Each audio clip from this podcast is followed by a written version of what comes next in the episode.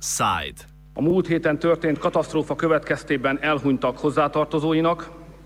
Kívánom, legyen erejük, legyen elegendő erejük a pótolhatatlan veszteség elviseléséhez. Kifejezem együttérzésemet a sérülteknek, a kitelepítetteknek és mindazoknak, akiket súlyos anyagi veszteségek értek az iszap áradat következtében.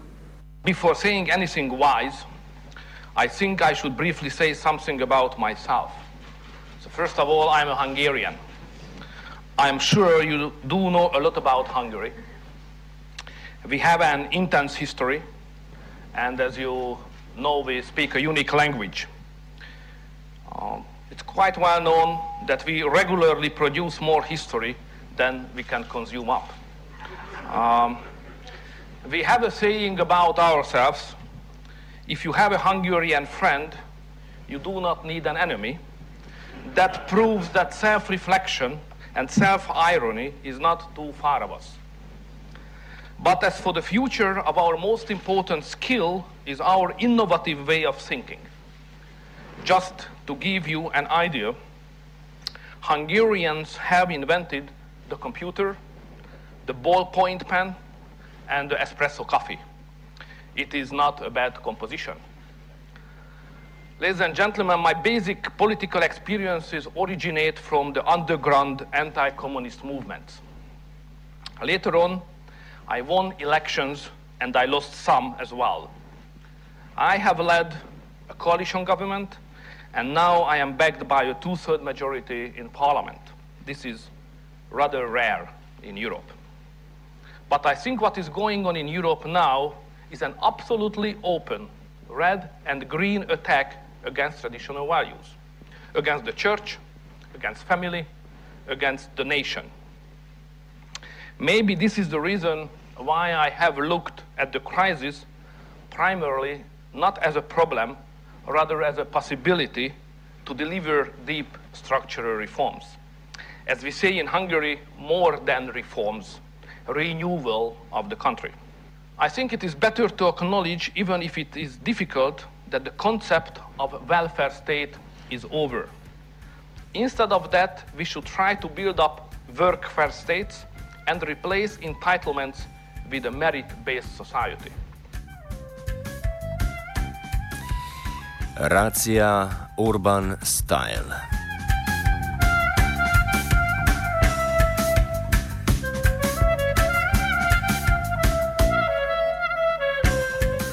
Mačarski premijer Viktor Orban gradi novo republiko, državo utemeljeno na delu, ki se trudi za uspeh naroda.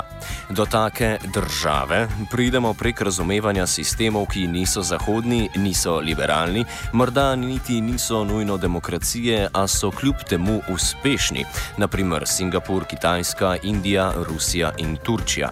Mačarski državljani od njega pričakujejo, da bo razvil nov način državnega organiziranja, ki bo nas sledil liberalno ero, mačarsko skupnost zopet naredil konkurenčno in tekmovalno, hkrati pa ohranil krščanske vrednote, svobodo in človekove pravice.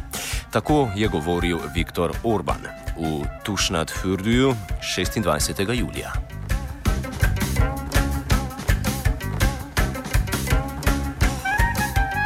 Njegovo sliko druge republike pa ne spadajo nevladne organizacije. Njegova retorika, nastrojena proti drugačnim, ni ostala zgolj pri besedah.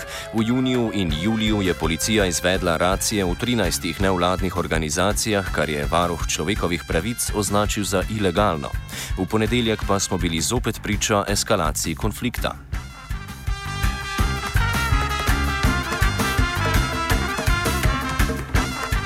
Oeko, Tarš in Demnet sta mačarski nevladni organizaciji. Prva je fundacija mačarskega okoljskega partnerstva, druga pa temelji na odgovornih in trajnih odnosih med samoorganiziranimi državljani in njihovimi skupnostmi po celem svetu. Obema je skupno, da sta prejeli finančno pomoč norveškega mehanizma. Orban ima tako opraviti, spet povzemamo njegovo izjavo, s političnimi aktivisti, ki jih plačujejo tujci.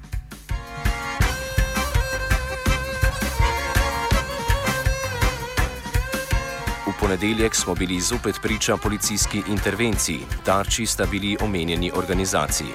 O samih obtožbah nam več pove upletena Vera Mora iz fundacije Oeko Tarš. They uh, claim misappropriation uh, in case of uh, the management of the Norwegian NGO fund. And the other uh, accusation is uh, uh, unlicensed financial activity uh, that is related to the refundable support we provided to some NGOs from our own endowment. Um, but officially, the investigation is against suspects unknown. So the reason why they came to us is that uh, uh, we hold uh, documents uh, related or relevant in this manner, matter. Norveški mehanizem je mednacionalni finančni mehanizem, ki ga podpirajo tri države: Islandija, Norveška in Liechtenstein. Naloga mehanizma je financiranje nevladnih organizacij ter njihovih projektov v 16 različnih državah Srednje in Južne Evrope. Fond ima pri tem dva cilja. Prvi je zmanjševanje oziroma odpravljanje ekonomskih razlik, drugi pa želi okrepiti bilateralne odnose med omenjenimi državami ter tremi podpornicami mehanizma. Na mačarskem se je zapletlo zaradi zahteve tamkajšnje vlade, ki od nevladnih organizacij zahteva razkritje različnih virov financiranja, ki prihajajo iz tujine.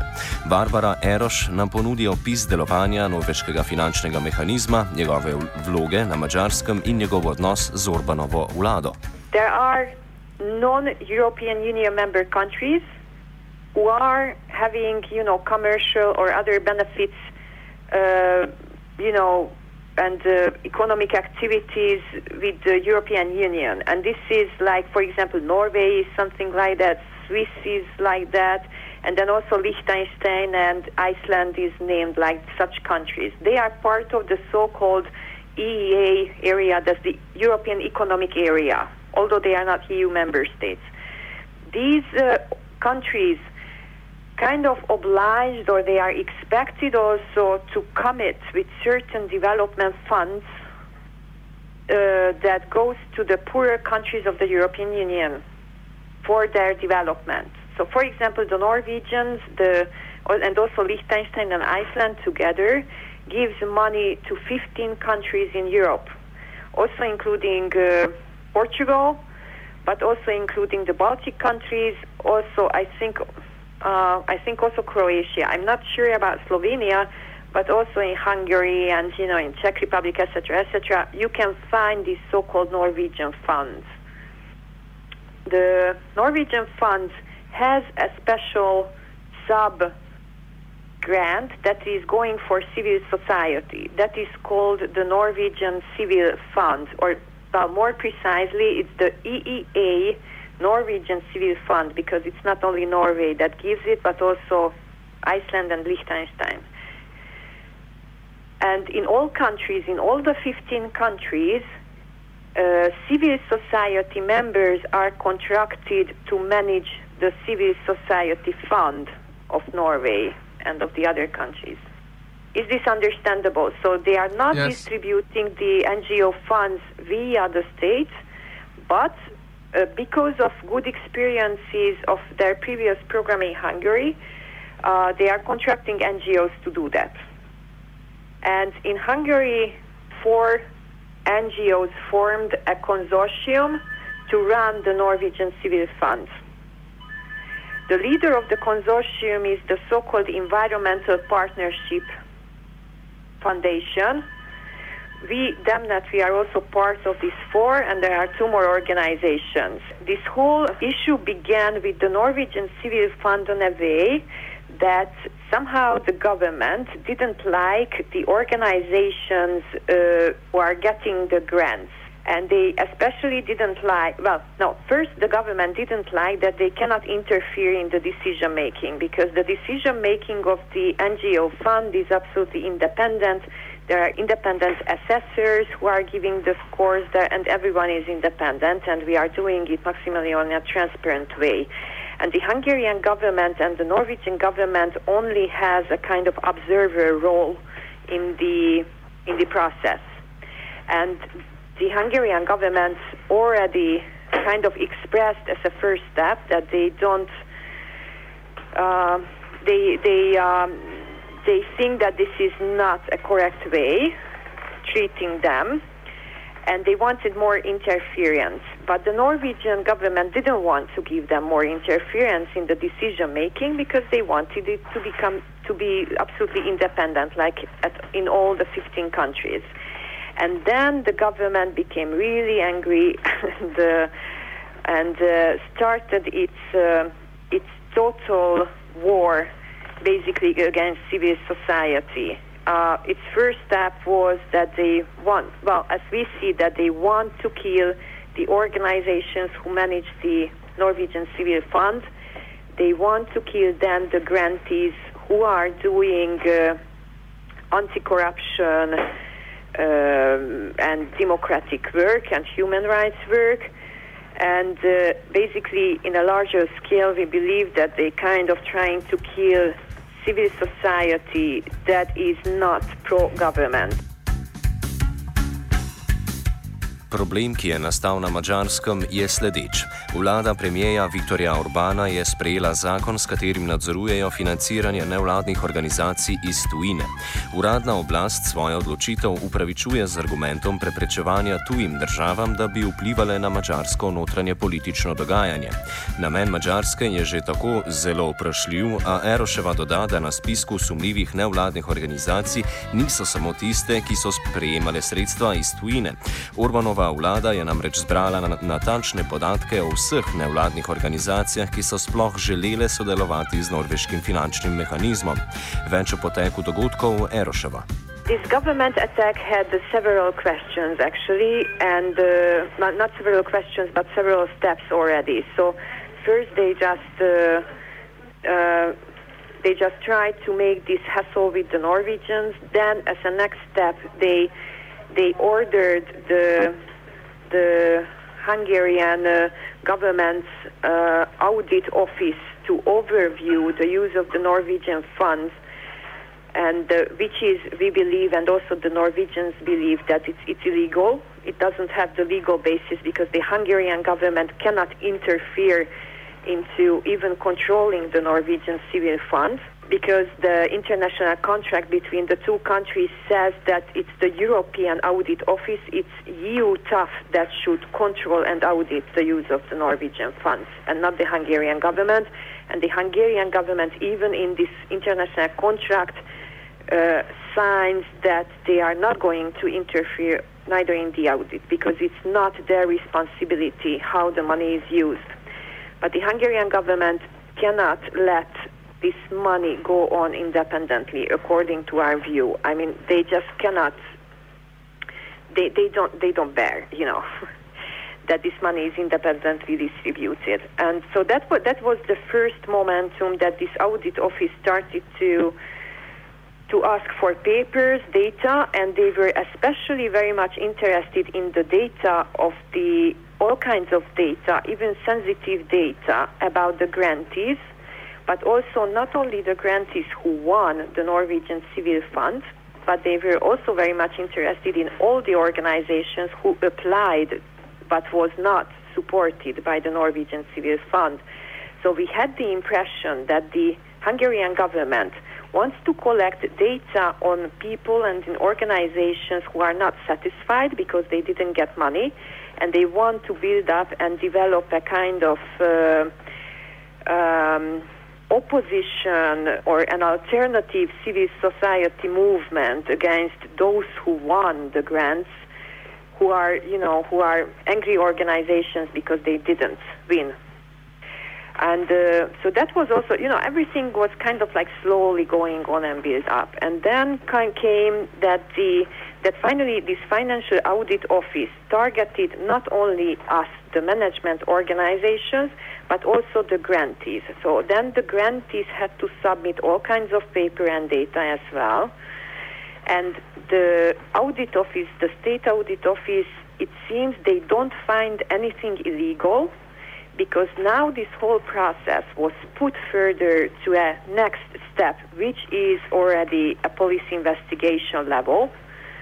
The police can collect all the data that we thought that they are sensitive and we didn't give out to the state audit office who wouldn't even have the legal basis to do the auditing of all this. But the police can get all this data. So now the police came to our offices. Very suddenly many many policemen came yesterday to DEMNET and also to the Environmental Partnership Foundation's premises, and they were here all day, and basically they were just collecting data of the grantees. They also took my laptop, which basically uh, contained all the information, and they also took our server, uh, so we can, cannot really, or it's really hard to work now. Um, but we continue on the work, of course, uh, and it seems like we are going to get back our server today from the police because they were copying it. Policijske racije so sprožile protestni shod. Več o poteku protesta Eroševa. The protest was organized uh, actually by uh, civil society organizations. Um, it happened in, in the afternoon. And uh, there were well there are estimations that people were there between 500 and 1000 i mean you know i don't know which number is true but there were a couple of hundreds of people for sure. And uh, what happened was is that there were a couple of speeches in the beginning and and the speakers absolutely expressed their commitment and dedication uh, again uh, towards us I mean, it was a kind of like support um, support uh, gathering for the attacked NGOs and for the NGOs in a broader sense and in civil society. And uh, and the crowd had, uh, I think, had a good uh, energy, and uh, actually, um, it was exactly the the meeting. The time of the meeting was exactly when policeman brought out the director of the uh, of the Environmental Partnership Foundation, and no one knew whether Vera Mora, this is her name, is going to be taken away to the police, like to prison or to somewhere, or she. But then it uh, turned out that she was just uh, kind of walked home to pick up her laptop because the police wanted her laptop as well. So, um, and then the crowd walked from the Environmental Partnership Foundation to the DEMNET office, and uh, they were still going on, you know, like speeches, etc. It, it was, was a very nice, I think it was a very nice event.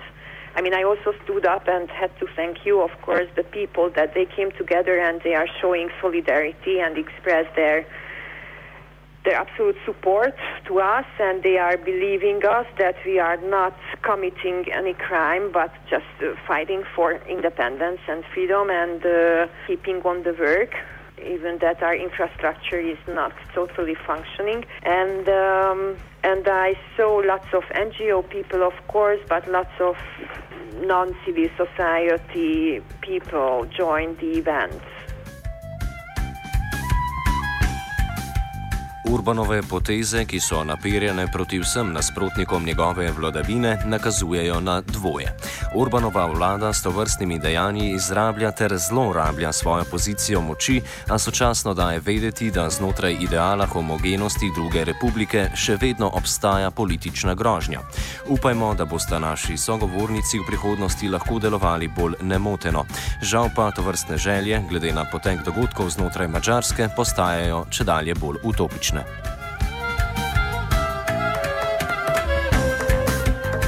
Offside sta družno pripravila Lijo in Martin. Oh. Oh. Oh. Oh.